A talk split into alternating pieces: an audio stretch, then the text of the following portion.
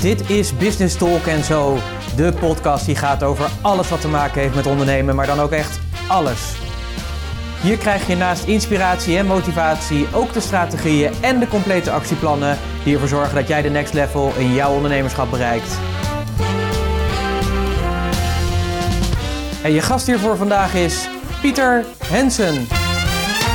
Een bijzonder goede dag. Dit is aflevering nummer 201. En deze keer heb ik een heel mooi interview met je. Deze keer heb ik een heel mooi interview voor je met Anna IJsink van IJscoach. En we gaan het hebben over onder andere mindset, ademhaling en natuurlijk kou. Wat die allemaal met elkaar te maken hebben en wat die allemaal voor je kunnen doen. En daarnaast gaan we het natuurlijk hebben over haar ondernemerschap. Hoi en leuk dat je weer luistert naar Business Talk, de podcast die gaat over ondernemen en alles wat met dat mooie ondernemen te maken heeft. Mijn naam is Pieter Hensen, ik ben ondernemer, investeerder en trotse mede-eigenaar van het mooie bedrijf Purst. En deze week heb ik een heel speciaal interview voor je. Ik vind het interviewen vind ik sowieso heel erg gaaf om te doen. En elke keer zitten er weer mooie pareltjes bij. En ook deze keer weer, want ik heb een heel mooi interview voor je met Anna IJsink van IJscoach. En zij doet iets met onder andere coaching, ademhaling, mindset en ijs, de Wim Hof methode. Nou, daar gaat er straks allemaal nog meer over vertellen. Ik heb Anne uitgenodigd voor dit interview omdat ik bij haar de workshops heb gevolgd. Die gaan over ademhalen en over dat ijsbad wat ze daarbij aanbiedt. En dat heb ik ook gedaan. Ik ben in zo'n bad met ijs gaan zitten. Echt heel erg koud, 4 graden. En daarna is mijn leven echt veranderd sinds ik deze workshops heb gevolgd. Ik ben de ademhalingstechnieken die ik van Anne heb geleerd, ben ik gaan toepassen. En ik ben elke dag gaan koud douchen. En daardoor voel ik me super vitaal en ben ik veel fitter en bijna niet meer ziek. En dat is natuurlijk heel erg fijn. Uh, die workshops hebben zo'n invloed op mijn leven gehad dat ik er gewoon veel positiever in sta en dat ik veel relaxter en energieker de dag in ga. En ik durf je echt te zeggen, toen, uh, nou ik denk als je mij twee, drie maanden of vier maanden geleden, want ik heb hem ergens in uh, oktober, november heb ik deze workshop gedaan. Als je me toen had gevraagd van ja Pieter, ga jij je elke dag koud afdouchen? Sterker nog, ga je ook gewoon hardlopen in je korte broek en in t-shirtje in de kou? Dan zou ik zeker zeggen, nou weet je, je bent hartstikke gestoord. Dat ga ik nooit van mijn leven doen. Sterker nog, uh, bij mij was het zo dat op het moment dat ik bijvoorbeeld ergens in een hotel kwam of in een huisje en ik moest, ja de, de water, de boiler was op zeg maar en ik moest koud, uh, koud of lauwe douchen. Dan was ik echt zaggerijnig voor de hele dag. En uh, ja, nu doe ik dus echt dagelijks, ja, douche ik gewoon koud. Meerdere malen als het kan. En heb ik daar heel veel lol aan en voel ik me dus heel erg energiek. Ik vond het zo'n wonderbaarlijk effect, dus ik heb Anne gevraagd of ik haar mocht interviewen. Dat vond ze heel spannend, maar ze heeft het gelukkig wel gedaan. Want daarnaast heeft Anne ook gewoon echt een heel bijzonder verhaal te vertellen over haar leven en, en wat haar heeft gebracht om dit te gaan doen. En ja, nou, elke keer als ik het verhaal weer hoor, dan krijg ik er kippenvel van. En ik denk dat het gewoon heel waardevol is om uh, daarnaar te luisteren. Naar haar verhaal, de inspiratie die zij uh, je kan geven. Maar waarin ook blijkt, zeg maar, dat op het moment dat je iets overkomt, dat je dat ook juist weer ten goede kan draaien. En dat heeft, dat heeft Anne daadwerkelijk in haar bedrijf gedaan. En daarom vind ik het zo tof dat ik haar mocht interviewen. En dan ga ik nu snel mijn mond houden. En ga jij lekker luisteren naar dit mooie interview met Anne IJsink van IJscoach. Ik spreek je straks graag na het interview. Leuk dat je weer, uh, weer luistert. En deze keer een hele bijzondere podcast. Want ik heb hier tegenover me zitten Anne IJsink van IJscoach. En Anna die doet heel iets uh, bijzonders. Daar gaan we straks nog allemaal uitgebreid over horen. En ik heb het zelf mogen ervaren, dus ik kan ook echt vertellen dat het echt bijzonder is. Uh, maar dat is even een beetje de cliffhanger, dus die houden we een beetje, een beetje vast. Het gaat in ieder geval over ademhaling, iets met kou. Nou, als er iets niet bij me past, dan is dat laatste het wel. Maar ik kan tegenwoordig toch zeggen dat ik ervan hou. Dus dat is ook alweer een bijzondere ja, ontwikkeling eigenlijk. Dus uh, superleuk, Anne, superleuk dat je er bent. Leuk dat ik hier mag zijn. Um, in elk interview als ik begin dan vind ik het altijd leuk om mensen wat keuzes voor te leggen, zodat we een beetje een beeld krijgen van ja, wie is die persoon aan de andere kant van, uh, in dit geval van de tafel, dat kun je natuurlijk nu niet zien, want ja, dit is audio, maar uh, wie is die andere persoon aan de andere kant? Dus ik heb wat keuzes voor je bedacht en je moet kiezen. En dan mag je daarna mag je het wel weer een beetje nuanceren, want de wereld is altijd een beetje grijs, zeg maar, niet heel erg zwart-wit. Maar ik vind het altijd wel leuk om mensen een beetje uit te dagen daarin. Dus laten we maar beginnen met warme sokkenthee of ijsthee? ik moest hier al heel erg om lachen, want ik had nog nooit van warme sokkenthee ge gehoord. Maar um, ijsthee drink ik eigenlijk nooit. Ik heb nog nooit een pak ijsthee gekocht, volgens mij, in mijn hele leven. Dus ik kies wel de warme sokkenthee. Um, maar ik ben meer een waterdrinker. Oké, okay, nou helemaal duidelijk. En voor degene die niet weet wat warme sokkenthee is, Warme sokken-thee is letterlijk waar je warme sokken van krijgt. Dus uh, thee die, uh, ja, een beetje winterthee eigenlijk, hè. Weet je, ja. kaneel en gember en Klinkt lekker. Ja, het is ook heel erg lekker, weet ik uit eigen ervaring. Dus dat is wel fijn. Um, individu of groep? Ja, dat is een moeilijke. Ik denk dat het er heel erg van afhangt wat je, wat, wat je wil. Als ik nou... Um, in een groep vind ik de, de energie altijd leuk. Het is fijn in een groep dat je... Uh, dan steek je elkaar aan en het... Um, uh, werken met groepen vind ik ook echt heel erg leuk. Maar ik merk dat met een individu kun je veel, betere, uh, veel meer resultaat bereiken. Want dan ga je de diepte in, heb je meer tijd, kunnen mensen lekker oefenen en dingen zich eigen maken. Dus als ik ga voor kwaliteit, ga ik toch voor het individu. Oké. Maar het liefste combi. ja, combi. ja. Oh, keuzes, keuzes, keuzes. Ja, oh ja, daar ben ik heel goed in. Dat. Heel mooi, dankjewel. Dippen in de IJssel of dippen in de zee? Um, ja, dip in de zee is natuurlijk wel geniaal. Want dat, uh, ja, de zee, dat, dat, alleen al bij de zee zijn is voor mij vakantie. Dus dat roept al een fijn beeld op. Um, maar praktisch gezien dip ik in de IJssel.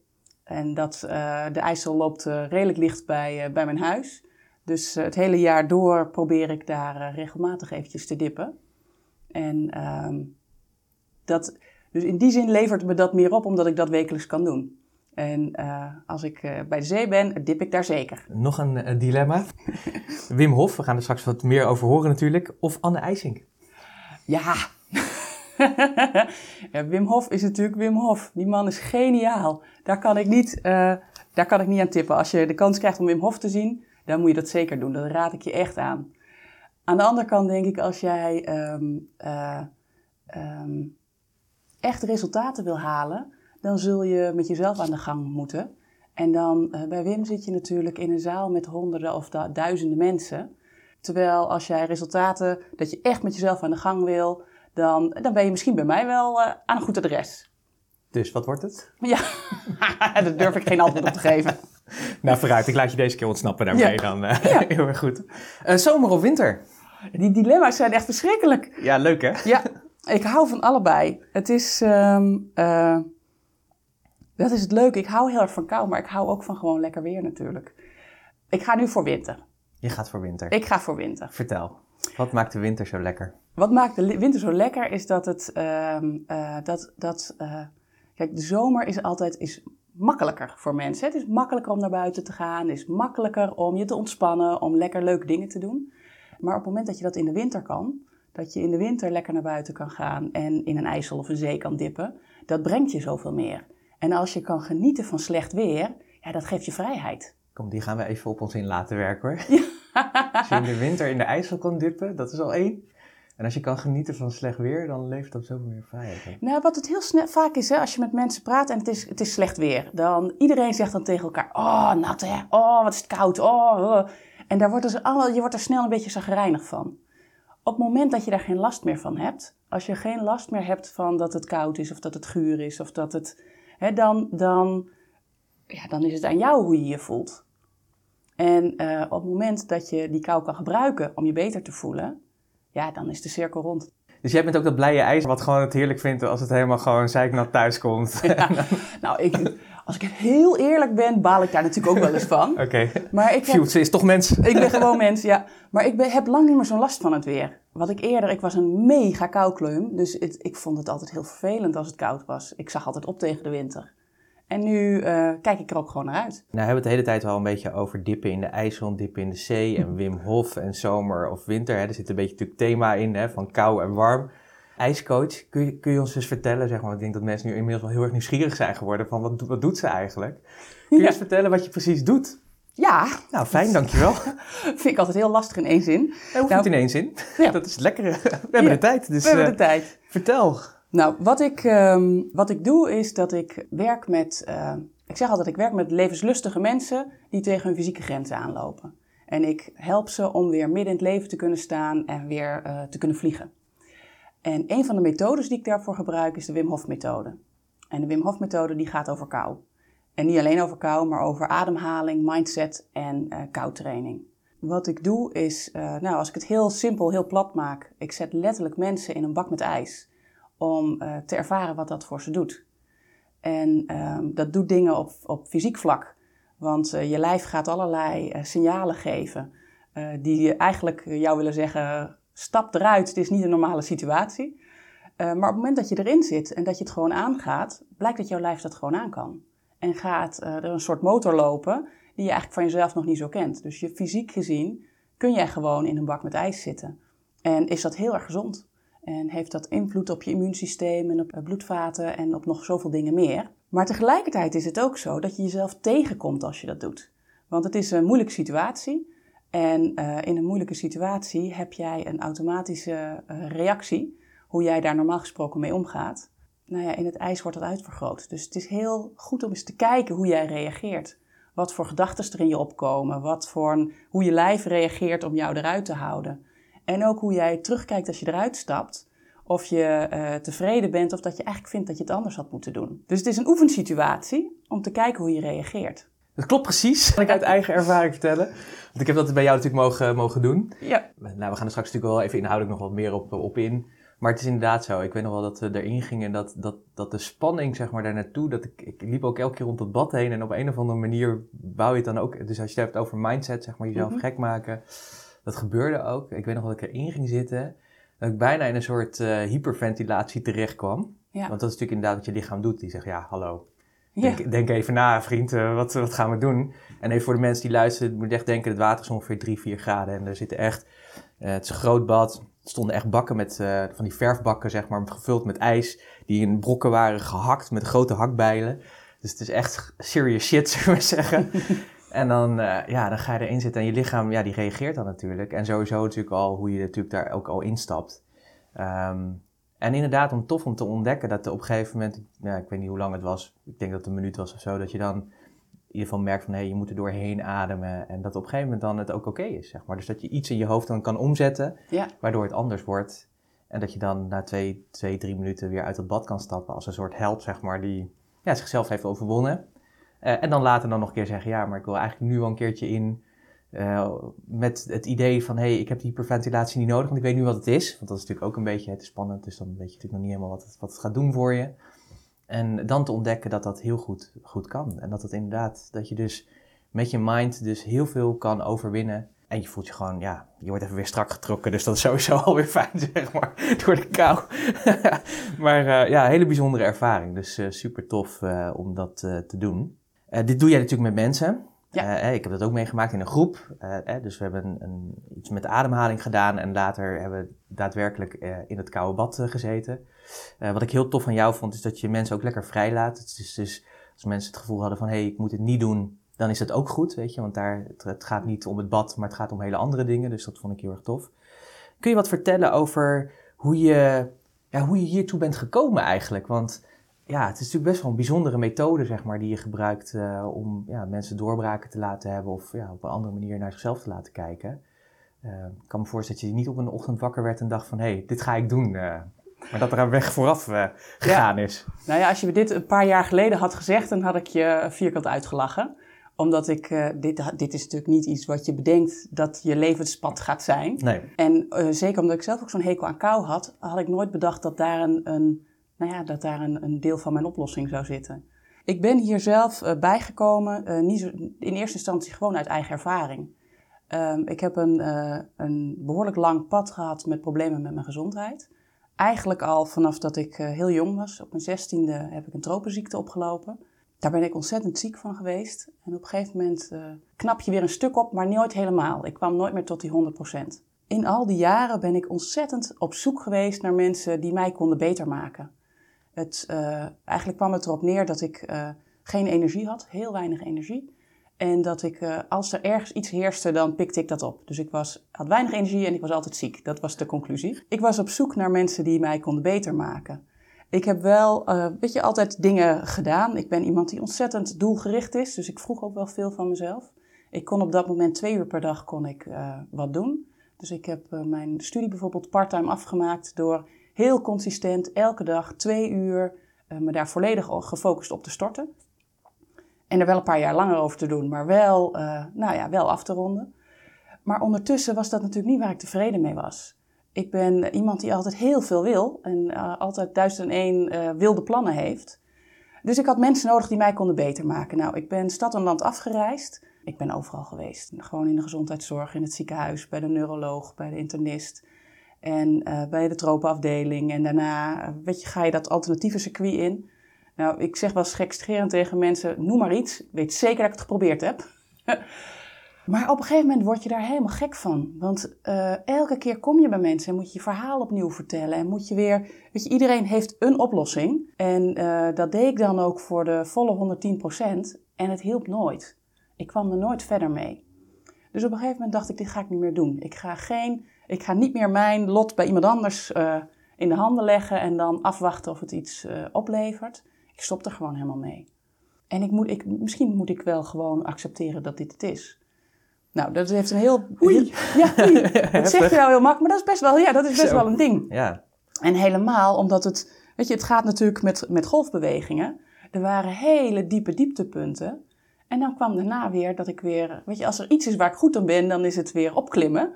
Dan uh, klom ik weer op en dan, uh, ik had bijvoorbeeld toen ik afgestudeerd was, had ik een baan daarna van 14 uur. Nou, in het begin kon dat helemaal niet. Dat was uh, naar mijn werk gaan, die twee uur of drie uur per dag. En daarna naar bed en de volgende ochtend wakker worden en weer opnieuw gaan. Maar na een tijdje begon dat te wennen. En toen ik dat een beetje in de vingers had, toen dacht ik, ja, nou, maar dan kan ik ook wel het volgende stapje. En dat is wat er heel erg in me zit, dat ik altijd weer het volgende wil. Waardoor ik jaren, nou ik zeg wel eens altijd op de rand van een burn-out heb gezeten. En dan tuimelde ik er weer overheen. En dan klom ik weer, vocht ik mezelf weer terug. En dan uh, klom ik er weer uit. Nou ja, in zo'n periode ben ik uh, met Wim Hof in contact gekomen. Dat was uh, een hele heftige periode, waar ik net na de geboorte van mijn jongste kind en waarin bleek dat mijn, mijn oudste dochter ziek was. Waardoor ik, ja, weet je, als moeder geef je alles aan je kinderen. Daar blijft helemaal niks van jezelf over. En op dat moment zat ik thuis en ik, ik kon gewoon niet meer. Ik kon niet meer voor mijn eigen kinderen zorgen. Ik kon niet meer voor of achteruit. En ik zat, ja, heel, uh, een heel spannend verhaal. Ik zat achter bol.com en ik kocht een boek. En onderin heb je zo'n balk waarin staat mensen die dit boek kochten, kochten ook. Nou ja, daar zat Wim Hof in zijn ijsbad. En dat boek heb ik gekocht. En uh, ik heb dat boek gelezen en toen dacht ik, ja, maar dit is gaaf. Want het, wat, wat ik het, het echt het mooiste van die methode vind, is dat het iets is wat je zelf kan doen. Je kunt het leren in een, nou ja, in een, uh, je kunt starten uit een boek. je kunt het leren in een workshop. En daarna kun je er zelf mee aan de gang. En um, het heeft gewoon effect op, hoe, op je lijf en op hoe je voelt en op hoe je denkt over dingen. Dus toen dacht ik, ja, hier wil ik meer van weten. Maar ja, ik zat nog steeds in dat hele diepe gat. Mijn man zei toen op een gegeven moment tegen mij van... Goh, misschien moeten we weer samen wat gaan doen. Want je zit nu ook alleen maar thuis, dat is ook niet goed. Zullen we een keer samen uit eten gaan? En toen zei ik, nou, ik heb wel een idee. Ik heb een leuke workshop gezien in Amsterdam. En hij zei, nou, is goed, ik ga wel mee. En toen zijn we samen naar uh, een workshop uh, bij Wim Hof gegaan. Dat was niet meteen een, een, succes, want ik was hartstikke beroerd. Al op de heenweg stortte ik in, want het was natuurlijk heel intensief. We kwamen daar. Ja, ik dacht, ik, ben nu, ik voel me nu beroerd, maar als ik naar huis ga, ben ik ook beroerd. Dus laat ik maar gewoon zien wat het is. Daar, daar heb ik voor het eerst in zo'n ijsbad gezeten, waar ik enorm tegenop zag en waar ik ook eigenlijk wel, uh, nou ja, best wel uh, nerveus voor was. Ik kan me heel goed voorstellen. Ja, ja. En ik zat er, het was ook heel leuk, want we pasten met z'n tweeën in dat bad. Dus ik zat er samen met mijn man in. En uh, we stapten... Romantisch hoor. Romantisch, ja. Romantisch in een ijsbad tussen de, de ijsblokjes. Maar het mooie was, ik stapte eruit. En ik, ik weet nog precies dat ik daar stond. En dat ik gewoon... Ik voelde gewoon een golf van energie in mijn lijf. Wauw. En dat had ik letterlijk twintig jaar niet gevoeld.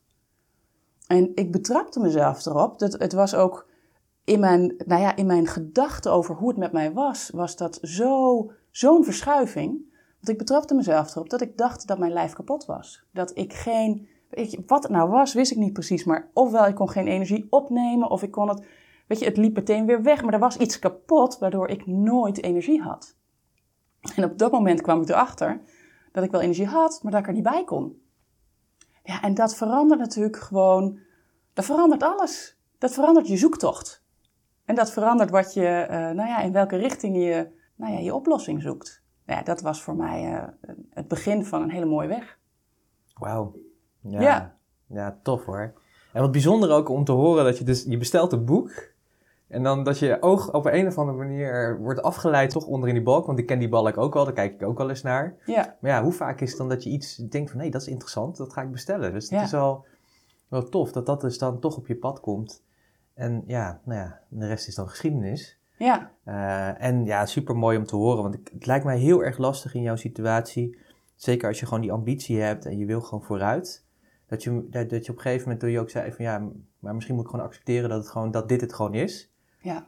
Ja, dat lijkt mij echt, als ik ook naar mezelf kijk, zeg maar, dat zou, ja, ik weet niet of ik het zou kunnen, denk ik zelf. Ik, gelukkig zit ik niet in de situatie, maar ik zit er dan even over na te denken. Dan denk ik, ja, shit, weet je, het is ergens kapot gegaan. Dan zou het toch ook weer ergens weer geheeld kunnen worden. Hè? Dat, dat is dan een beetje de logische reactie die je dan, eh, Ja. dan hebt. Nou, ik denk dat het, dat het, het, acceptatie is ook een moeilijk woord, hè? Want het, het, het, het, is ook, ik ben, ik ben er nooit tevreden mee geweest. En ik heb altijd nog wilde plannen gehad. Ik denk wel dat ik eh, heel goed ben in dingen bedenken hoe je het leven toch leuk kan maken. We hebben bijvoorbeeld eh, ehm, een camper gekocht, omdat we heel graag wilden reizen, maar ik kon niks volhouden. En in een camper heb je altijd je bed bij je. We zijn in twee maanden naar Marokko gereden met z'n tweeën. Waarbij ik het grootste deel van het rijden gewoon liggend bovenin lag. En eh, we dus eh, toch overal kwamen en leuke dingen kunnen doen. Dus op het moment dat je creatief bent en mogelijkheden kunt zien. Ik denk dat het een heel groot verschil is of je positief in het leven staat en naar mogelijkheden kunt kijken. Ja, dan kunnen er heel veel dingen. Maar ik heb wel moeten accepteren dat ik niet in het standaardplaatje paste. Je, het liefst wilde ik gewoon zijn en eh, gewoon een fulltime baan hebben. En ehm, gewoon de dingen doen die andere mensen ook konden. Ja, dat, dat, is er, dat, dat was het niet. En dat is het eigenlijk nog steeds niet. Ik kan heel veel meer.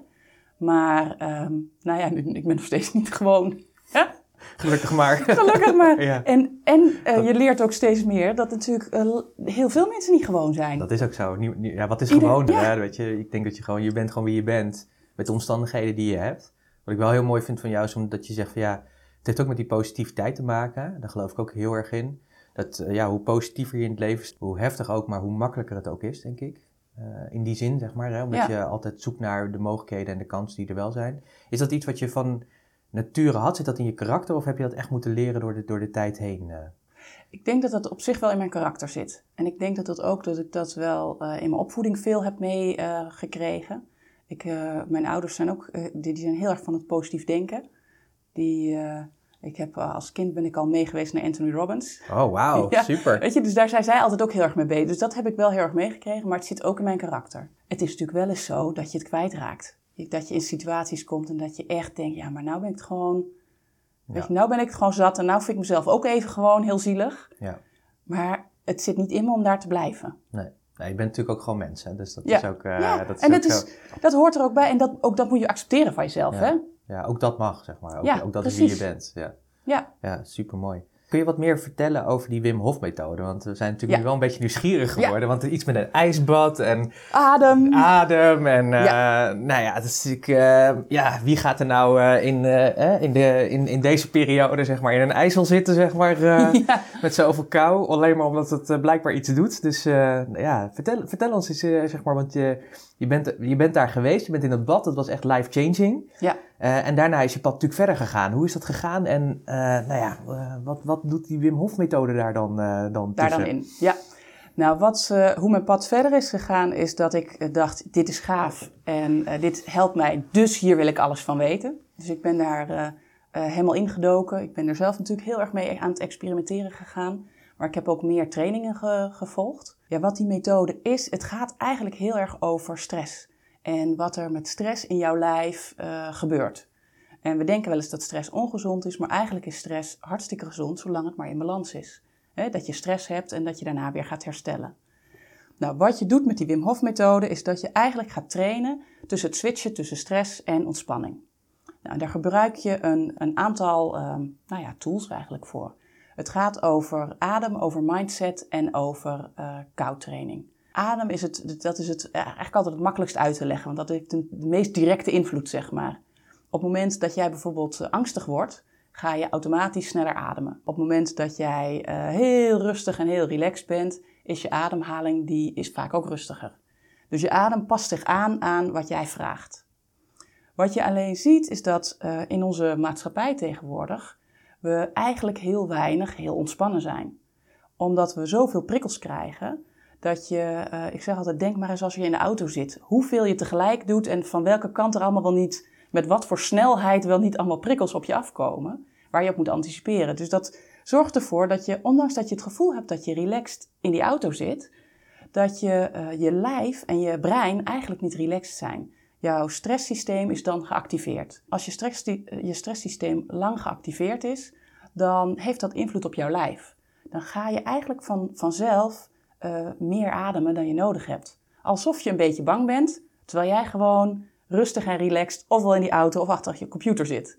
Je zit achter je computer, maar ondertussen ben je eigenlijk een beetje aan het, uh, nou, ben je of angstig of je bent aan het rennen of wat dan ook. je, vraagt, je adem vraagt meer. Daardoor raakt je lijf uit balans. En dat is iets wat je, wat je in de moderne maatschappij heel veel ziet. Dat, je, dat er veel wordt gevraagd van ons. Er ligt veel op ons bordje. En om dan weer te gaan ontspannen, vinden wij mensen vaak heel lastig. Dus dan heb je een keer tijd om te ontspannen. En dan zit je heel gespannen op de bank te proberen te ontspannen. Nu moet ik echt ontspannen. Nou ja, wat je met die adem, uh, adem is uh, heel direct. Als jij rustiger gaat ademen, word je er ook echt vanzelf rustiger van. Dat is een heel simpele oefening. Als je uh, gestrest bent, ga maar eens langer uitademen dan dat je inademt. Doe dat twee minuten en je voelt, je al, je voelt al een stukje verschil. Nou, bij die Wim Hof methode, dat is een speciale ademhalingsoefening. En daar gaan we, dat, um, gaan we dat echt trainen. Je gaat eerst heel snel ademen, waardoor je je stresssysteem activeert. En daarna ga je een periode helemaal niet ademen, waardoor je echt je lijf weer traint om in die ruststand te komen. En door dat steeds af te wisselen, komt er een nieuwe balans in je lijf en ga je eigenlijk rustiger ademen. Maar je gaat niet alleen rustiger ademen, je gaat ook uh, je zuurgraad verandert en je hart- en bloedvaten uh, worden getraind en uh, er worden allerlei hormonen aangemaakt. Dus op het moment dat je die, die ademhalingsoefening doet, en dat, als je dat een periode bijvoorbeeld één keer per dag ochtends zou doen, ga je voelen dat de balans in jouw lijf sterker wordt. Dat je je energieker voelt, dat je je helderder in je hoofd voelt, maar ook dat je je eigenlijk ontspannender voelt. Ja, ik kan alleen maar ja zeggen. Dat is het irritante. nee, dat is super waar. Want uh, ik, ik heb dat natuurlijk bij jou geleerd. En uh, je had natuurlijk ons uitgedaagd van ga eens 30 dagen die ademhalingsoefening doen en ook koud afdouchen. Nou, inderdaad precies wat jij zei, zeg maar. Als mensen mij dat twee maanden geleden hadden verteld of drie, dan zou ik echt hebben gezegd, ja, echt, al, al geef je een miljoen, echt niet. Um, als ik ergens was en, uh, en Annemieke die had al gedoucht en daarna was de boiler op, zeg maar, dan was mijn dag echt helemaal verpest. Gewoon door, door koud douchen, dat, dat, dat, gewoon helemaal niet. Maar het is, ja, voor mij is het echt een, echt een enorme grote verandering geweest om daarmee aan de slag te gaan. Omdat ik echt merkte van wat het doet, zeg maar, deze, uh, deze techniek aan het begin van de dag. Ja. En uh, ik heb me ook wel, ik doe me ook wel stiekem af en toe eens niet. En dan weet ik precies wat dat betekent. Dus ik kan bepalen van hoe ga ik mijn dag in. Ga ik mijn dag in energiek? Uh, open, uh, vol, uh, vol power? Of ga ik een beetje, ja, een beetje lousy zeg maar de dag in? en ik weet ook, als ik er toch voor kies, dan weet ik al wat voor dag ik krijg. Natuurlijk kan ik dat in de dag wel veranderen. Maar die start is gewoon ja. echt mega. Dat is echt een wereld van verschil. ik merk ook dat ik er een beetje weer aan moet wennen. Want je staat ook meer open op een of andere manier. Je bent gewoon alerter, zeg maar. Of ja, ja, ik weet niet, energieker. Je bent, je bent meer aanwezig. Dus dat brengt ook weer met prikkels die naar je toe komen. Dat is ook weer een andere kant van het verhaal. Maar ja, super waardevol. Dus, uh, en voor mij is het daardoor ook gewoon goed uit te houden, omdat ik gewoon weet wat het effect is. Ik heb meteen ervaren van als ik het wel of niet doe, wat, wat het dan doet met mijn, letterlijk mijn ritme in de dag. Ja, mooi dat je dat ja, zegt. Ja, voor mij geweldig. is het gewoon, een, gewoon zo simpel om het wel te doen. Ja. Want het zijn, het, ja, je moet natuurlijk wel, uh, je moet natuurlijk even tijd voor nemen. En dat, dat is het lastigste. Dat is natuurlijk het lastigste. Want dat betekent dus, zeker ook, uh, ik, ik, heb geen kinderen, maar ik kan me voorstellen als je een gezin hebt. Ja, dan moet je echt bewust kiezen om dus misschien even een kwartier eerder op te gaan staan. Of een half ja. uurtje om, de, om dat toe te passen. Maar ja, ik, ik doe het met liefde, want ik weet zeg maar wat, wat het effect is. Dus het is een risicootje om met jou in aanraking met deze methode ja, in aanraking Dan komt er in één keer weer iets wat je moet bij. Ja, ja, ja. nou nee, dat niet. Nee, het is niet eens een moeten. Het is gewoon nu ook een willen. Van, omdat je gewoon weet wat het effect is uh, ja, op, op je energiepatroon. Ik weet niet wat, ja. ja. Precies ja, wat mooi. je net beschreef, dat, dat, heb ik echt, dat ervaar ik letterlijk. Dus dat je gewoon energieker erin staat, dat je uh, ontspannender die dag begint. Maar ook, ja, ik weet niet, gewoon opener bent, zeg maar. En meer, ja, meer zin ook in die dag hebt. Uh, en vroeger was dat wel eens anders hoor. Dan uh, kwam ik aan mijn bed en dacht ik, ja, dan is het ook nog december. Weet je dat? donker, donker, koud. dat. Ja. En, dat. en dat is er niet meer, dus dat is wel heel cool. Ja, en het, wat ik het zelf, eh, het grappig, als je het hebt met mensen over ademhalingsoefening, dan denken ze vaak, ja, dat, het, het heeft natuurlijk een beetje een, een, een wollig, Ja, een beetje, een zweverig. Ja, Ja. klopt. Ja. Dit is iets wat, eh, nou ja, wat ik in ieder geval zelf heel praktisch vind. Het is ook iets wat je actief doet, wat eh, wel ervoor zorgt dat je ontzettend ontspant. Dus wat ik heel veel tegenkom is mensen die bijvoorbeeld eh, last hebben met stress, die het advies krijgen om te gaan mediteren, maar wat ze niet lukt omdat ze te onrustig zijn. Hoofd, Op het moment, ja. omdat ze in hun hoofd zitten en dan komt er van alles. Op het moment dat je een ademhalingsoefening doet en die, ehm, dat is iets wat je doet, is altijd makkelijker dan iets wat je niet doet. Ja. En als je hem eh, actief doet, dan is er ook niet zoveel ruimte om verder na te denken. Maar het heeft het effect dat je meer ontspant, waardoor je er heel makkelijk een klein stukje meditatie aan toe kan voegen. klopt. Waardoor je mensen weer een stap verder helpt. Ja, superleuk dat je zegt, want eigenlijk zo doe ik het nu, zeg maar. Dus ik doe dan de ademhalingsoefening, dat is een hele actieve. Ja, Eh, en dan, zeg maar, als die afgelopen is, dan wil je natuurlijk een beetje weer ontspannen, want je hebt een actieve oefening gedaan. En dan doe ik vaak een stukje meditatie, daarna nog van 10 minuten. En die combinatie, die werkt echt fantastisch, zeg maar. Dus dat Ja, is mooi, eh, hè? echt geweldig. Eh, terwijl inderdaad, daarvoor deed ik ook al meditatie, maar ja, dan is het inderdaad, dan gaat het toch heel vaak, ja, nu nog gaat, dan gaat nog steeds mijn hoofd aan de haal hoor, maar het is ontspannender, zeg maar. Het is, Ja. Ik weet niet, ja, ga, ga het ervaren zou ik zeggen, ga het gewoon doen. Je probeert het zelf. ja, Ja, want die methode die, die, die gaat natuurlijk over ademhaling, daar hebben we het net over gehad. Er zit ook een stuk mindset bij. Kun je daar wat over vertellen, hoe dat, eh, hoe dat in, Ja. in zijn werk gaat? Wat mindset natuurlijk, dat gaat heel erg over wat je denkt en hoeveel in, hoe, wat voor invloed dat heeft op hoe je je voelt. Hoe ik het zie, want je kunt daar natuurlijk eh, duizenden verschillende, hè, iedereen heeft een eigen beeld daarbij. Ja, zeker. Hoe ik het heel erg zie is dat je, je hebt een, een eh, balans tussen je hoofd, je hart en je lijf nodig.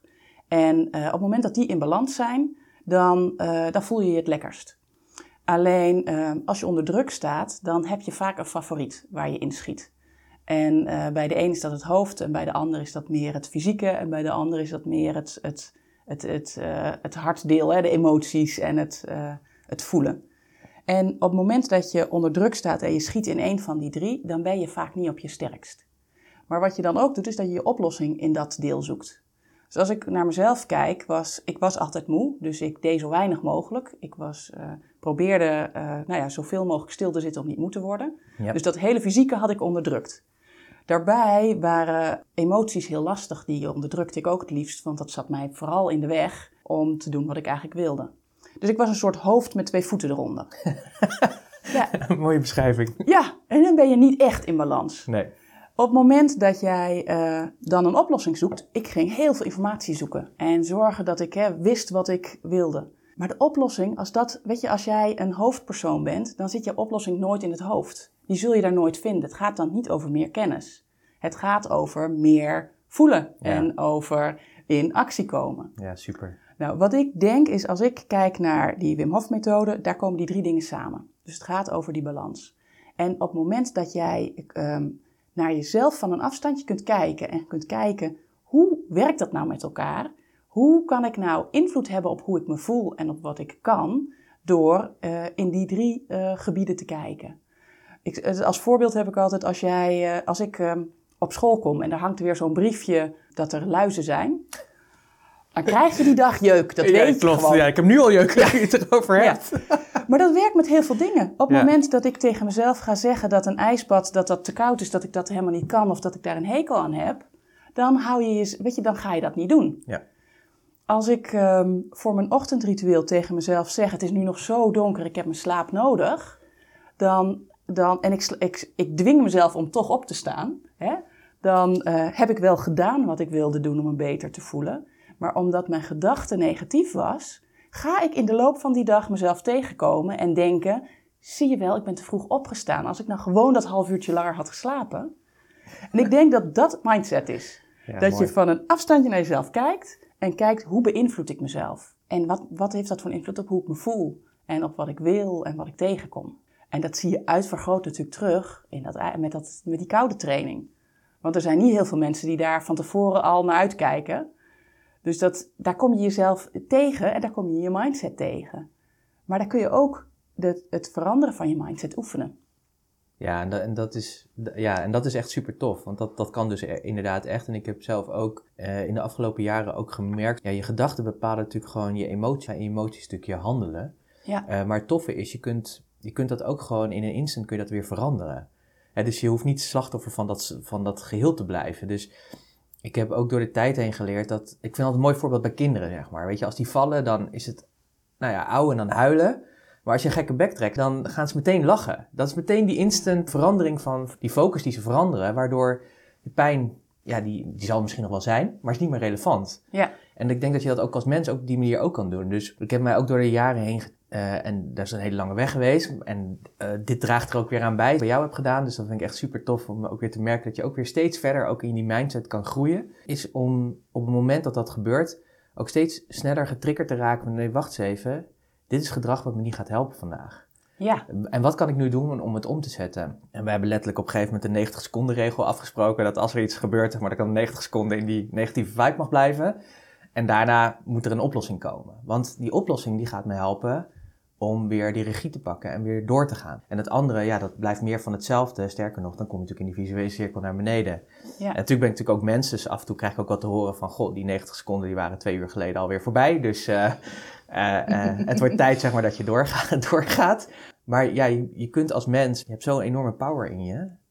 Alleen ja, je moet het wel oefenen, je moet het wel doen. Ja. Want als je in de emoties zit, zullen we maar zeggen, is het vaak heel erg lastig om dan te zeggen... Goh, ik ga eens even van een afstandje naar mezelf kijken, wat gebeurt er Ja. nu? Goh, wat zit ik weer lekker in mijn hoofd? Ik ga nu even voelen. Ja, dat, dat, dat, dat werkt zo niet. Nee, maar wat je wel ziet is dat ehm, als jij in een bepaalde emotie zit, daar hebben we vaak weer een oordeel over. Hè? Hmm, Want ehm, nou, eh, boos zijn is iets wat wij in onze maatschappij niet prettig vinden. nee. Dus als, je, als ik eh, wel eens heel boos ben en uit mijn, schof, eh, uit mijn slof schiet, dan vind ik daar meteen wat over. Ja. Terwijl als ik daar wat over vind, kun kan ik ook daarnaar kijken op het moment dat ik die emotie wel toesta. Want een emotie, dat, het, is maar gewoon, weet je, het is maar een emotie. Ja, Op het moment dat je hem toestaat, is die ook zo weg. klopt. Het is zo'n, weet je, dat beeld van een eh, snelkookpan eh, waar je de deksel op drukt. Op het moment dat je, daar, eh, dat je die boosheid hebt, dan, dan borrelt dat gewoon onder de deksel door. Trek je de deksel eraf, zakt het weer in. En ik denk dat dat, dat vind ik het, het leuke, dat je, ehm, je hebt weer meer knoppen waar je aan kan draaien.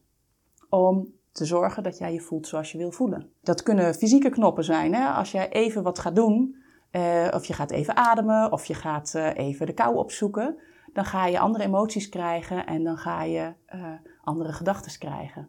Maar je kunt ook anders gaan denken, waardoor je andere emoties krijgt en andere dingen gaat doen. Dus je kunt van alle kanten het ins- insteken. Ja, en, en, en het kan dus ook echt, echt letterlijk gewoon, je kunt letterlijk gewoon daarmee gewoon in een, dus het in een seconde kun je gewoon in een ander, ander Ja. patroon komen, in een ander gedrag komen, waardoor je Ja. daar ook weer uitschiet. Ja. En dat is heel fijn om dat te ontdekken dat dat kan. Ja, Soms is het ook fijn om gewoon even boos te zijn of zagrijnig of wat dan ook, weet je, dat is ook goed. Maar eh, ja, uiteindelijk moet je, eh, is denk ik gewoon belangrijk dat je kijkt naar van wat helpt je verder, zeg maar. Wat is voor jezelf, maar ook voor je omgeving. Hoe kom je daar? Ja, het is ook fijn hè, dat ja die, dat is prettig. ja, weet je, ja, want dat is natuurlijk ook, weet je, als ik eh, een beetje zagrijnig thuis loop te zijn, dan heeft dat natuurlijk ook gewoon effect op de sfeer thuis. Ja, dan wordt het natuurlijk ook niet gezelliger op, weet je. Dus eh, oorzaak Nee. en gevolg. Dus dan eh, kun je Ja. voorgaan, voorstellen dat het natuurlijk op een gegeven moment ook clasht. Dus dat is natuurlijk jammer. Ja, We hebben het gehad over ademhaling, over mindset. En we moeten nog iets hebben met kou. ja, Want wat Ja. doet kou eigenlijk? eh? Ja, kou is natuurlijk de wonderlijkste. Dat is degene die je eigenlijk nooit zou bedenken zelf. Nee. Ik bedoel, de adem, daar kun je, dat, dat, dat wordt Ja. veel gedaan. En de mindset wordt je ook, hè, er duizenden boeken over volgeschreven. Absoluut, ja. En ehm, het kou is het, het ding wat ook het meeste mensen triggert. Dat, die denken, ja, maar dat is toch niks voor mij. Ook kou is niet nieuw trouwens hoor. Dat wordt eh, in Rusland eh, wordt dat al jaren gebruikt. Kou is, is eigenlijk, nee, eigenlijk komt het uit vanuit de oertijd al. In de oertijd waren wij natuurlijk, hadden we geen verwarming en hadden we geen airco. En had je gewoon je, je grot waar je was. ja. En als het winter was, was het koud. En als het zomer was, was het heet. Ons lijf is gebouwd op heel erg omgaan met verschillende temperaturen. Alleen ehm, omdat wij nu zo goed kunnen bouwen en zo, eh zoveel kunnen maken, eh, worden wij daar helemaal niet meer aan blootgesteld. Dus we vinden allemaal zo rond de 20 graden vind je het lekkerst, zeg maar.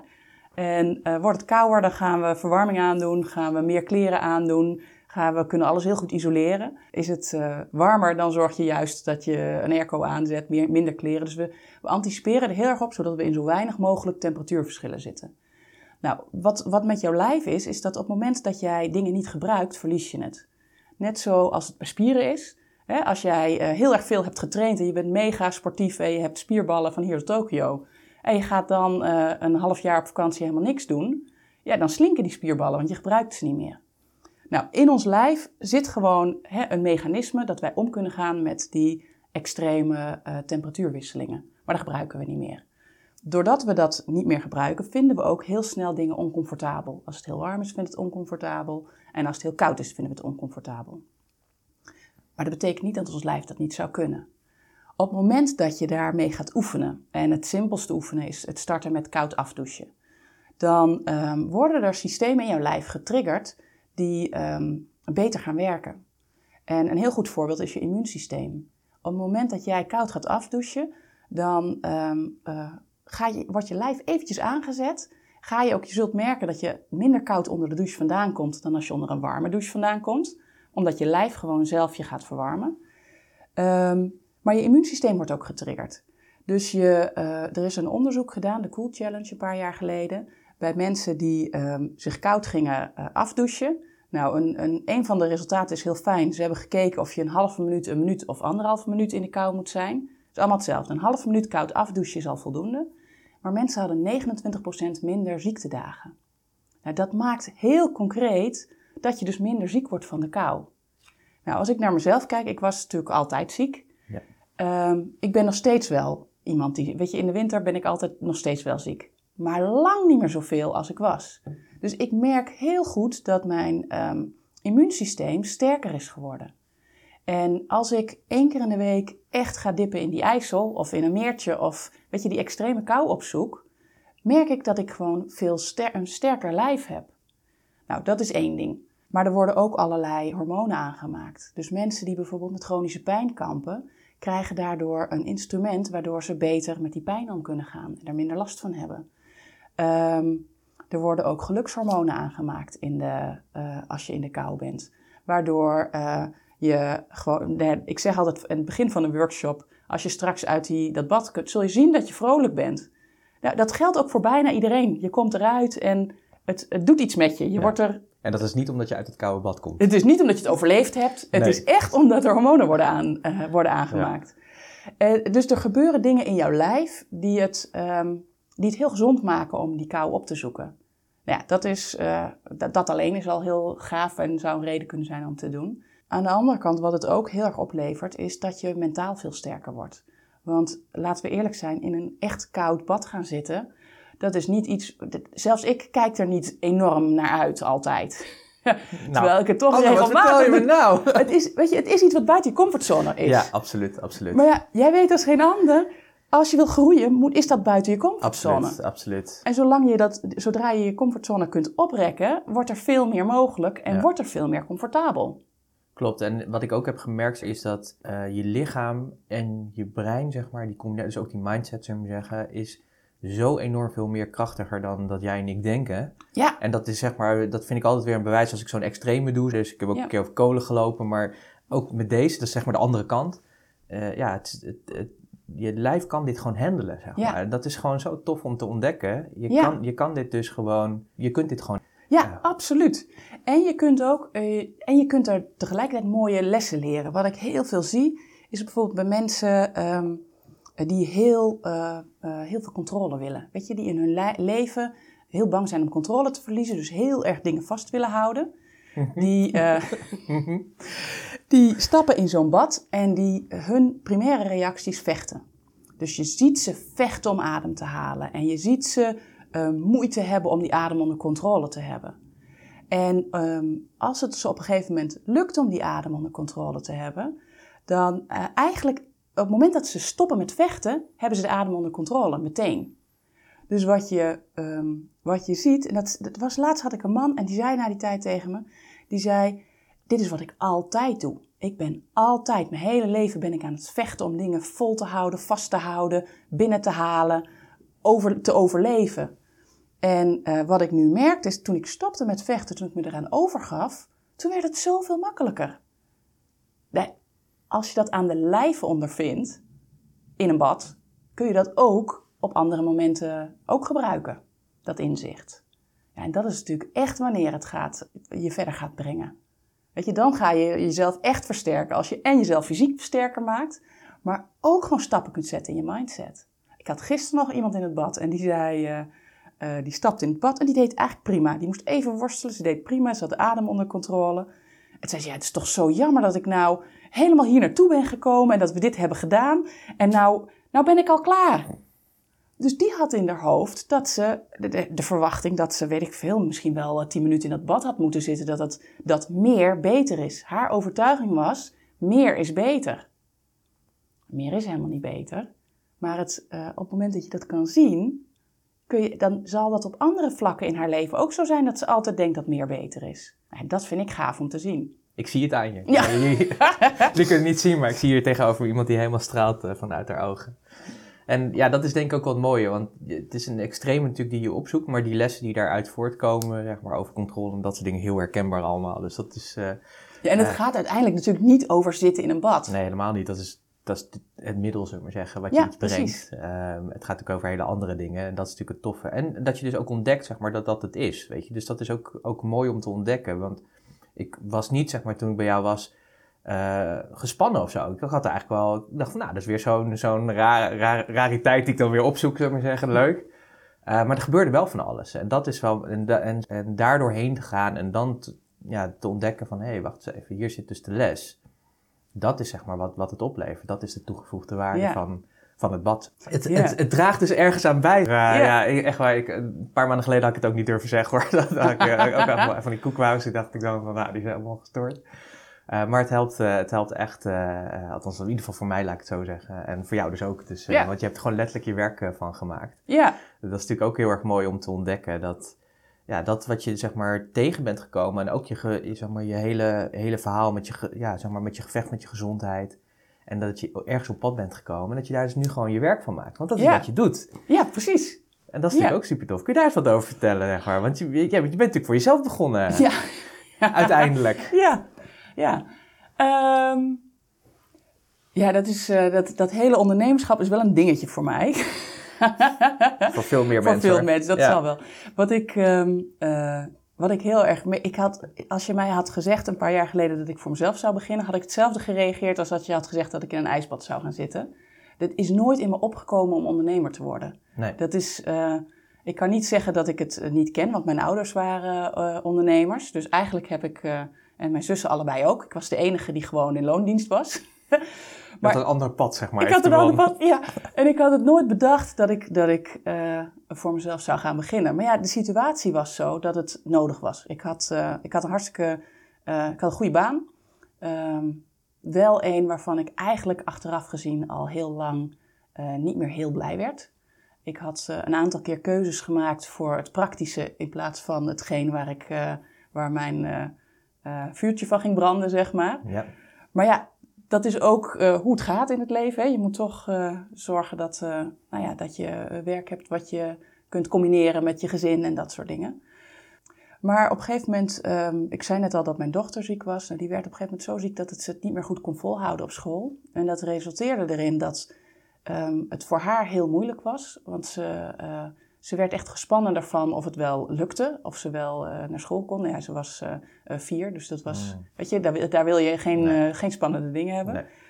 Maar ik was zelf ook, ik kon bijna niet op de been blijven, want ik was alle borden aan het hoog houden. En dat, dat, dat ging, ik zat weer op dat randje, zeg maar, het kende randje voor mij. Maar op mijn werk was het natuurlijk ook niet goed. Ik kon het thuis niet goed doen, ik kon het voor mezelf niet goed doen, ik kon het op mijn werk niet goed doen. Dus ik had meer flexibiliteit nodig, daar kwam het op neer. En um, ik heb zitten denken, wat kan ik nou doen dat ik flexibel kan? Welke baan is nou flexibeler? Nou, ik had, uh, mijn werkgever is de flexibelste die ik ooit heb, heb ge, gemerkt. Ik kon al mijn uren zelf inplannen en ik kon thuiswerken. En, dus daar zat niet nog meer rek. Daar was het niet.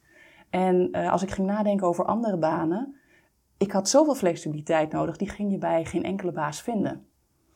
Dus um, ja, werd het idee, dan moet ik dus... Uh, het was ook heel duidelijk dat ik niet thuis zou gaan zitten. Ja. Dus, dus ik ging voor mezelf beginnen. En, Gefeliciteerd. Ja, op dat moment dacht ik nog, oh jee, met wat dan? Ja. Maar ja, ik was um, in die Wim Hof methode al helemaal ingedoken. Ik was al met de instructeursopleiding toen bezig. Maar eigenlijk omdat ik zelf er alles van wilde weten. Niet Niet- met het idee Oh, grappig, ja. dat ik dat voor anderen ging doen. Mooi. Maar ja, dat, dat idee groeit natuurlijk wel als je daarmee bezig bent. En eh, toen ik voor deze keuze stond, toen dacht ik, nou, dan is dit wat ik ga doen. En ehm, eh, ik voelde ook wel dat, dat ik, weet je, dat dit, het past bij mij. Het, ehm, ehm, als ik eh, kijk naar wat ik eerder deed, was een heel andere baan. Maar daar zitten toch wel elementen in die, die ik nu ook doe. Eerder was het zo dat ik in samenwerkingstrajecten of in projecten de moeilijke dingen boven tafel ging halen. Dat is waar ik goed in ben. Kijken waar het nou misloopt en zorgen dat dat bespreekbaar werd. Dat was eigenlijk mijn baan. Eh, en dat doe ik nu ook, alleen dat doe ik nu met eh, individuen. Kijken naar waar het misloopt. Hoe kunnen we dat bespreekbaar maken, zodat je weer verder kunt. Dus het, het, op een gegeven moment dacht ik, ja, dit is wat ik ga doen. Maar dat hele ondernemerschap heb ik mezelf wel heel erg in de weg gezeten. Ik ben nu anderhalf jaar echt bezig als ondernemer. En eh, ik begin me nu pas een beetje ondernemer te voelen. De afgelopen maanden. Wauw, super. Ja, en als ik nou kijk, als ik dan met mensen praat bijvoorbeeld. Ik nou, het eerste wat ik tegen mensen zei, dus het was al elke keer, ja, ik ben natuurlijk helemaal geen ondernemer. En dan kwam er een heel verhaal waarom ik Oh, geen ondernemer was. Oh, ja, Dus als je het hebt over mindset, Ja, hè, ik, heb, eh, zeker, ik ken mezelf op heel veel gebieden heel goed, maar hier zat ik mezelf wel echt heel erg in de weg. ja. Dus het is een heel, eh, nou, het is een, eh, ik heb veel geleerd de afgelopen tijd. Mooi, mooi. Wat heeft, wat heeft de verandering doen brengen? Want je zegt, ik voel me nu meer ondernemer dan Ja. dat je ooit gevoeld hebt. Dus Ja. dan is er iets veranderd. Ja, Ik denk niet dat je in een ijsbad bent gaan zitten en daar weer uit bent gekomen. En dan dacht van, nou, nu ben ik het. Dus, Nee. dus daar is iets anders gebeurd.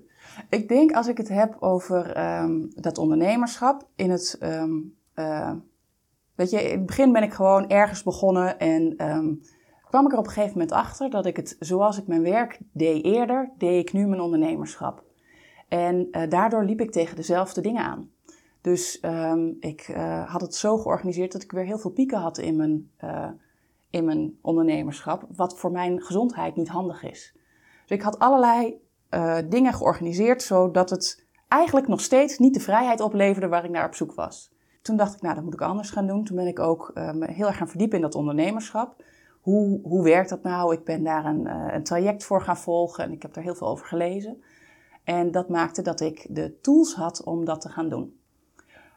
Maar het zat hem natuurlijk niet in de tools. Het zat hem in hoe ik dacht. Weet je, de tools is heel handig. Hè? Het is heel handig dat je Dat is weet... weer zo'n hoofdgedachte, hè? Het is weer een hoofdgedachte. Ja, Ja. en dat is natuurlijk primair waar je eerst je... ja, je ja, ding zocht. Mooi. Wat ik heel erg heb gemerkt is dat ehm, ik ben een hoofdmens. Dus ik ga kennis zoeken. En ik heb altijd het gevoel dat ik niet genoeg kennis heb. En eh, ehm, dat het niet goed genoeg is, dat ik nog niet goed genoeg weet. Dus ik bleef hangen in dat perfectionisme. En het nog meer kennis willen vergaren, waardoor je niet in actie komt. En als je niet te veel actie doet als ondernemer, nou, dan ben je ook nog niet zo heel druk. Weet je, die workshops heb ik wel steeds gedaan, maar ik wilde eigenlijk ehm, de individuele trajecten meer neer, neer gaan zetten. Maar dat kwam nooit omdat ik het nooit goed genoeg vond. Nou, als ik denk wat ik, wat ik nu anders doe, is dat ik me echt tot in mijn vezel heb gerealiseerd dat ehm, heel perfect niks doen minder oplevert dan imperfect iets doen. Wauw, wat een super mooie les. Ja, en dat is het. Weet je, je moet gewoon actie gaan ondernemen. Ja. En dat is natuurlijk heel spannend. En dat betekent dat ik eh, af en toe dingen doe waarvan ik achteraf denk: oh, maar ja, ik doe het wel. Ja, super hulde, hulde. Ja, Ja, ja, het is imperfecte actie, zeg maar, want die gaat je verder brengen. Ik weet nog dat een mentor van mij op een gegeven moment een keer zei van... joh, Pieter, alles is een kladversie. En dat was voor mij echt de eye-opener. Zo van, ja, dat is ook zo, weet je. Als ik het zo ga zien, dan kan ik gewoon... En daardoor eh, is het nu ook heel vaak dat we snel dingen kunnen neerzetten. En ja, natuurlijk gaan er honderdduizend dingen, wil ik liever anders of wat. Maar het staat er wel en er is Ja. wel resultaat meteen. En, en daarna kun je het wel weer verder perfectioneren. Ja en het is weer, ook. weer door laten groeien, zeg maar. Ja, precies. En het is ook, hè, dat, ik geloof heel erg in de 80-20 regel. Absoluut, ja. Op het moment dat die laatste 20% die je helemaal het perfect gaat maken, wat je heel veel tijd en energie kost, dat, leef, dat, dat je klanten Maakt merken niet dat niet eens. Nee, klopt. Ik, had dat, ik weet nog dat ik mijn allereerste workshop gaf. En ik had een groepje van, ik geloof, een stuk of tien mensen. En daar zat een vriendin bij en daar zat een, een, eh, een werkkennis, zeg maar, bij. Mhm. Die, oh, ik vond het verschrikkelijk. Ik was na die tijd, had ik bedacht, hoe heb ik nou ooit kunnen denken dat dit was wat ik ging doen? dus ik durfde hun niet te bellen om te vragen hoe ze het vonden. Ik durfde het gewoon niet. Want ik Ja. was ervan overtuigd dat ze het verschrikkelijk vonden. En uiteindelijk moest ik dat natuurlijk wel van mezelf, want ik moet altijd, weet je, dan, dan dwing ik mezelf wel die drempel over. Dus ik heb ze gebeld. Ja, en ze vonden het prima. En ze hadden leuke tips en we hebben het erover gehad en ze waren enthousiast. Blijkbaar was wat ik leverde op dat moment genoeg. Zelf had ik nog van allerlei dingen bedacht. Maar ja, Klopt. het is, het, het is over het algemeen niet zo dat het zo slecht uitpakt als je waar je zelf bang voor bent. Nee, en wat je, wat je moet realiseren, dat, dat vinden we zelf heel erg lastig. Want je bent natuurlijk de professional en die heeft een bepaalde standaard. Dus die, ligt gewoon, die lat ligt gewoon heel hoog. Alleen je klant die komt met, met een verwachting of met een probleem. Alleen die zit gewoon tien stappen daaronder. Ja, Dus de kunst is om af te dalen en naar die, naar die klant ernaast te gaan staan en zeggen, nou ik neem je één stapje verder mee. Kijk, dat er nog tien stappen daarna zijn, Ja. dat is hartstikke mooi. ja, Eh, maar ja, die, die, die klant die kan het verschil niet zien. En het nadeel zeg maar, als je wel zeg maar, vaak in die, echt in die, die top gaat zitten van, van die lat van je, dan haakt je klant ook af, omdat die ja, dat niet begrijpt. Dus je, je vakbroeder of zuster zal dat begrijpen, maar dat is gewoon te veel. Dus dan Ja. ga je vaak ja, informatie geven. En we zeggen wel eens dat je dan mensen gaat ja, zeg maar informatie geven met een brandweerspuit. Er zit Ja. zoveel, zoveel informatie en kracht zit daarachter. Terwijl de ander gewoon zegt van joh, geef me gewoon een beetje water en daar groei ik gewoon van. Eh, Ja. Of geef me een beetje ijs en daar, geef me een ijsblokje in plaats van een ijsbad. Dan, eh, daar groei ik ook gewoon van. Eh, dus dat, dat is wel mooi. Eh, ik ben natuurlijk nu onderweg. Je bent wat meer Ja. ondernemer geworden, zeg je. ja, een beetje. Een beetje, Ja. dus, eh, dus je bent daar groeiende in. En, Ja. eh, en, en ik zie ook wel dat je er een beetje trots op bent. Dus dat is ook mooi om, om te zien. Althans, dat is mijn invulling bij, je, bij je gezichtsuitdrukking. Ja. Als we elkaar volgend jaar weer spreken rond deze tijd, hoe, hoe, ziet, hoe ziet jouw wereld er dan uit? Heb je daar een beeld bij? Ehm, nou ja, ik heb er wel een beeld bij. Ja, ja, over een jaar heb ik zeker wel een beeld bij. Wat ik merk is dat ik ehm, op dit moment eh, ben ik veel met die, met die workshops bezig. Maar mijn droom is om, ehm, en ik, ik begeleid ook mensen individueel, maar dat, dat is nog, eh, nou, de workshops zijn vaak, eh, zijn, dat zijn er meer, zeg maar. Ja. Mijn droom is om meer mensen individueel te begeleiden. Omdat zeker, de, weet je, mijn, mijn doelgroep zijn mensen die tegen die grenzen aanlopen. Die, als die gewoon, die kunnen er zoveel meer uithalen dan je uit een workshop haalt. Dus dat aanbod wil ik dan gewoon echt hebben staan. Dan wil ik ook echt dat ik, daar, hè, dat ik me daar zeker genoeg door voel, voor voel. En eh, ik, weet, weet je, ik weet wat ik te bieden heb, maar het, ehm, eh, dat weet ik ook nu. Alleen om dat naar buiten te brengen vind ik nog moeilijk. Dus ik hoop dat ik eh, het komende jaar is echt mijn prioriteit om dat programma neer te gaan zetten. Dat, dat, dat wordt een programma waarbij de combinatie is. Dus je gaat er. Het Wim Hof zit er natuurlijk in, maar er zit ook heel veel in dat je eh, eh, ja, meer in het coaching, dat je met jezelf bezig gaat, dat je opdrachten gaat doen. Ik denk dat dat geweldig gaat worden. En dat ga ik neerzetten. Dat is mijn doel. Over een jaar wil ik dat dat gewoon echt staat. En mijn tweede doel is dat ik me als ondernemer dan ook steviger voel staan. Dat ik daar ook meer vertrouwen in heb. Weet je, dat ik die, de groei waar ik nu aan, waar ik aan begonnen ben, dat ik dat ook doorzet en dat dat, eh, dat ik dan, nu voel ik me nog zo'n enorme starter. Dat zei ik vanochtend nog tegen jou over deze podcast. Voelt best spannend, want ik ben echt nog net, ge- net gestart. Dat ik me dan niet meer zo'n starter voel, dat ik gewoon denk, nou, dit is wat ik doe. Ja, en het, en het is ook wel perceptie. Kijk, je kunt misschien wel letterlijk starter zijn omdat je misschien nog anderhalf jaar onderweg bent. Ja, Maar je bent natuurlijk al eh, vanaf het moment dat je die ziekte kreeg, eigenlijk alles wat je daar tot nu toe aan hebt gedaan, draagt bij aan het feit waar je nu staat. ja, Dus, dus mensen, ik krijg ook veel klanten hier zo die dat ook zo ervaren, maar je zegt van ja, maar dat, dat is niet zo. Zeg maar. Alleen je hebt het op een andere manier vormgegeven of ja, je hebt, je hebt een bepaald leerpad gelopen en dit is nu de, de uitwerking eh, daarvan. Maar het neemt wel, want wat je, wat je ook zei van, hé, ik zou heel graag die persoonlijke individuele coaching willen doen, voor, vooral voor mensen die er tegenaan lopen. ja, En dat begrijp ik heel erg goed, want jij weet als geen ander wat het is om er tegenaan te lopen, er even weer overheen te gaan en weer Ja. terug te komen. Ja, En ook hoe het nu dus anders ook kan, zeg maar. Ja. Dus, dus ja. als er iemand is die, de- die daar iemand bij kan helpen, dan ben jij het natuurlijk. Dat, Ja. eh, dat is natuurlijk ook zo. Dus dat, is, ja, dus dat vind ik eigenlijk altijd mooi zeg maar, van dit soort gesprekken. Is dat iedereen zit op een bepaalde fase in zijn ondernemerschap. Maar qua rijkdom zeg maar, zijn we eigenlijk best wel ervaren. Zeg maar. Alleen je moet, je moet het wel zo willen zien. Vergeet gewoon niet dat het hele pad wat je daarvoor hebt gelopen... die rugzak die neem je gewoon nu letterlijk mee naar de volgende stappen die je gaat zetten. Ja. En dat is super tof eigenlijk gewoon. Eh, Dus ja, s- starter is relatief. Ja. Is echt relatief. Is echt relatief. Dus uh, nou, ik ben heel erg benieuwd uh, hoe, dat, uh, hoe dat is. Als mensen die nu geluisterd hebben, die denken van wow, dit, is, dit, dit klinkt boeiend. Spannend. maar misschien ook wel, waar de mensen ook wel door getriggerd. Dat ze zeggen van wow, Ja. weet je, want dit gaat eigenlijk over mij. Ik, ik ben die ondernemer die eh, altijd een beetje tegen het randje aanloopt, die eigenlijk gewoon meer die rust eh, moet nemen. Ehm, wat, wat, eh, waar, waar kunnen ze heen? Wat, wat, waar, waar kunnen ze wat over je vinden? Wat doe je eigenlijk, zeg maar? Naast de individuele trajecten doe je iets met, met workshops. Kun je, Ja. Vertel eens, neem ons eens mee eh, in, Nou. de, in de wereld van Anne. De wereld van Anne. De informatie kun je vinden op mijn website. Ja? En dat is eh www.ijscoach.nl. Dat is, eh, mijn naam is natuurlijk IJsink, dus dat spel je met E lange I. Datzelfde is met IJscoach. Wat ik doe is, ik geef workshops waar je gewoon op in kan schrijven. Open inschrijving workshops. Dus dat is als je gewoon als persoon denkt, ik wil ze even kennis maken en eens kijken, eh, hè, is dit wat voor mij? Is zo'n workshop, hartstikke leuk om te beginnen. Dat zijn eh, twee eh, bijeenkomsten waarin je dus echt gaat ervaren met name zelf en de onderbouwing krijgt van wat je gaat doen. Dat soort workshops geef ik ook bij bedrijven. Waarbij, je dus, ehm, waarbij, waarbij ik naar het bedrijf toe kom en dan groepen me- medewerkers leer hoe ze dit soort dingen kunnen doen. Dat is natuurlijk super leuk, omdat je. eh, ik had laatst heb ik eh, bij het ziekenhuis een training gedaan. Er was een, een eh, groep met medewerkers uit allerlei verschillende afdelingen. En toen kreeg ik een mailtje een week later. Die zei: Ja, we zijn nu met een groepje aan het kijken of we in de lunchpauze even in de vijver kunnen hier achter het ziekenhuis. Geniaal. Geniaal. Maar het, überhaupt is het natuurlijk, als je het in je bedrijf doet, wat het mooie is, is dat je met z'n allen ruimte gaat maken voor hoe deel je nou je dag in? Hoe zorgen we nou dat we onszelf niet voorbij lopen? Dat is een soort kruisbestuiving. Hè? Je versterkt elkaar dan in hoe, hoe bouw je even die rust op in, zodat je daarna weer kunt knallen. Ja. Want daar gaat het natuurlijk om. Je wil niet altijd maar ontspannen zijn. Je wil eh, die balans hebben tussen soms ontspannen en soms gewoon er mega voor kunnen gaan. Dus dat, is, eh, dat doe ik bij bedrijven, maar ook bij eh, sportverenigingen en bij vriendengroepen wel eens. Dat ik word uitgenodigd om te komen. Dus dat is het als je echt gewoon de methode wil leren kennen. Als je nou denkt, ik wil eh, gewoon hiermee aan de slag, dan ehm, kun je dus eh, ehm, het individuele traject gaan doen. Dat eh, heet Grijp het leven bij de lurven. Als je weer heel... ja. Als dat, weet je, als dat, ik denk altijd, mensen met wie ik, wie ik goed kan helpen, die voelen dat. Die Ja. voelen dat. Grijp het leven bij de lurven. Dat is wat ik wil. Ja, supermooi. En het handigste is dan dat je gewoon even contact opneemt. En dan, dan plannen we een, een, ehm, een tintelsessie, zeg ik altijd.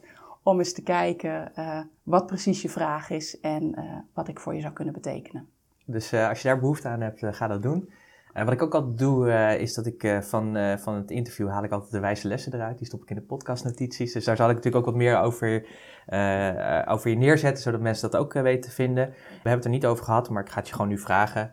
Ehm, eh, misschien is het interessant om van Wim Hof, die heeft volgens mij een heel artikel, die heb ik van jou ooit gehad, zeg maar, met de onderbouwing van zijn methode. Want er is inmiddels ook allerlei wetenschappelijk onderzoek naar gedaan. Ja. En de effecten daarvan, en die zijn heel positief eigenlijk. Dus ook voor mensen die wat kritisch hierover zijn, is het Ja. denk ik ook interessant om dat eh, eh, te lezen.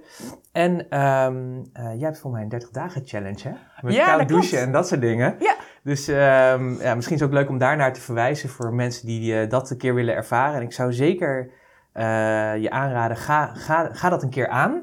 Ja, Eh, ga ontdekken wat het voor je doet. En ja, misschien is het interessanter om eerst dan, of weet ik niet, of misschien tegelijkertijd ook een keer bij jou eh, op je workshop te zijn geweest. Om gewoon te weten hoe het is en dat te ervaren. Maar het is ook een hele fijne om, om jezelf geactiveerd te houden. Om hier eens mee te gaan oefenen en te gaan testen, zeg maar, hoe dat voor je kan zijn en wat dan de effecten zijn. Ja, en als je dat natuurlijk hebt gedaan, dan zijn we natuurlijk heel erg benieuwd wat het effect daarvan is. Dus dan horen we dat natuurlijk heel erg graag terug.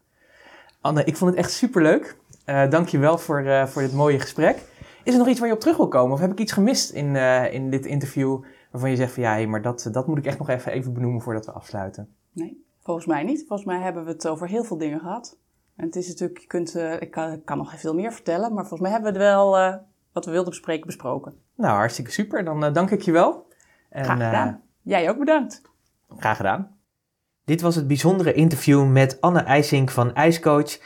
Ik hoop dat je natuurlijk daar heel erg geïnspireerd door bent geraakt. Sterker nog, dat je ook van plan bent om eens een keer aan de slag te gaan met die ademhaling, met koud afdouchen en kijken wat dat voor jou voor effect heeft. Ehm, in de podcastnotities die ik eh, voor je heb gemaakt, waarin ik de wijze lessen uit dit interview eh, graag met je deel. En natuurlijk ook wat informatie over die ademhaling en de Wim Hof methode en alles wat erbij komt kijken. Die kun je downloaden. Ga daarvoor naar puurs.nl slash podcast 201. Dus puurs.nl slash podcast 201. Dan heb je ze tot je beschikking en heb je ook een mooi naslagwerk naar aanleiding van dit interview en alle informatie die erbij hoort. Uh, mocht je willen reageren op dit interview, van harte welkom natuurlijk. Dat kun je doen op de verschillende kanalen waar dit interview verschijnt, in de verschillende social media kanalen, maar natuurlijk ook gewoon op de website en op de kanalen van SoundCloud, iTunes. En als het goed is, ik heb me vandaag heb ik me aangemeld voor Spotify. Ze zijn het aan het processen. Dus als het goed is, als deze, als deze podcast uitkomt, kun je ons ook op Spotify vinden. Maar dat hou ik nog even slag om de arm. Maar dat laat je volgende week zeker weten of dat zo is. Uh, onder het kanaal Business Talk. Laat gerust weten wat je ervan vond. Wil je persoonlijk reageren, kan dat natuurlijk ook altijd. Mail me pieter.puurs.nl. Uh, ik uh, ga graag met je in gesprek, dus dank je wel alvast daarvoor. Mocht je andere ondernemers kennen waarvan je zegt van ja, weet je, als ik dit verhaal van Anne hoor dan, uh, en wat zij precies doet, dan moeten zij dit ook luisteren. Dan zou ik je van harte uitnodigen om dit interview lekker door te sturen, hen erop te wijzen. Dank je wel alvast daarvoor. En ik wil je gewoon weer bedanken dat je natuurlijk geluisterd hebt. En uh, ik wens je een hele mooie dag en spreek je graag weer snel. Tot snel. Hoi.